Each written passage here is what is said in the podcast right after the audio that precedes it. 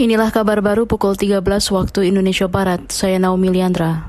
Bank Indonesia memutuskan mempertahankan suku bunga acuan di level 3,5 persen. Selain itu, Bank Sentral juga mempertahankan suku bunga deposit facility 2,75 persen dan suku bunga lending facility 4,25 persen. Menurut Gubernur Bank Indonesia Peri Warjio, suku bunga acuan kembali dipertahankan karena inflasi inti masih terjaga. Di pasar uang, suku bunga Indonesia pada Juni 2022 relatif stabil, yaitu sebesar 2,80 persen dibandingkan dengan Juni 2021. Di pasar dana, suku bunga deposito satu bulan perbankan turun sebesar 69 basis point sejak Juni 2021 menjadi 2,81 persen pada Juni 2022. Di pasar kredit, suku bunga kredit menunjukkan penurunan 58 basis point pada periode yang sama menjadi 8,94. Gubernur BI Periwarjo menambahkan Bank Sentral akan terus mewaspadai risiko kenaikan ekspektasi inflasi dan inflasi inti ke depan.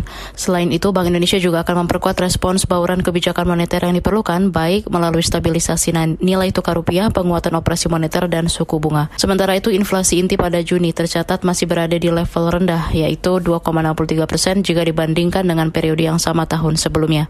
Inflasi inti adalah inflasi yang mencerminkan keseimbangan permintaan dan penawaran di dalam ekonomi nasional.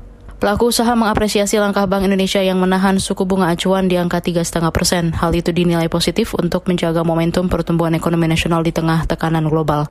Meski begitu, menurut Koordinator Wakil Ketua Umum 3 Kadin Indonesia, Sinta Wijaya Kamdani, pemerintah masih harus menindaklanjuti dengan memberikan insentif untuk mendorong daya beli masyarakat. Pemerintah perlu memberikan insentif untuk mendorong uh, daya beli dan meningkatkan, uh, meringan untuk juga bisa meningkatkan daya beli. Selain hmm. itu juga kita akan harus memantau um, cash flow atau yang yang uh, apa terutama ya perusahaan-perusahaan ini cash flow ini menjadi sangat uh, uh, kunci. Walaupun kelihatannya Indonesia cukup kondisinya saat ini positif dengan uh, apa realisasi investasi yang kemarin juga baru di, di, dikeluarkan yang sangat baik dengan ekspor juga yang baik. Tapi kita harus mempersiap mengantisipasi gitu.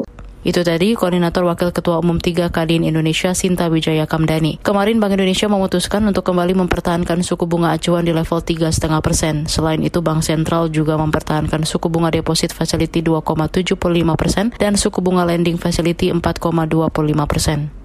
Sebanyak 22 jemaah haji Indonesia yang tiba di tanah air terkonfirmasi positif COVID-19. Mereka mengalami gejala ringan atau tanpa gejala. Kepala Pusat Kesehatan Haji Budi Silvana di Mekah, Arab Saudi hari ini menjelaskan dari 22 orang itu 19 di antaranya berasal dari debarkasi Surabaya, dua dari debarkasi Padang, dan satu dari debarkasi Solo. Silviana menjelaskan karena para jemaah haji itu bergejala ringan atau tanpa gejala, maka mereka hanya menjalani isolasi mandiri di rumah masing-masing. Sementara itu Kementerian Agama kemarin memutuskan semua jemaah haji yang kembali ke Indonesia akan diperiksa dengan tes antigen. Mereka juga akan melanjutkan dengan tes PCR jika menunjukkan hasil reaktif. Bila hasilnya pun positif tetap bergejala ringan, jemaah akan diminta menjalani isolasi mandiri di rumah. Sedangkan jika hasilnya negatif COVID-19, jemaah haji bisa langsung kembali ke rumah masing-masing. Demikian kabar baru KBR, saya Naomi Liandra.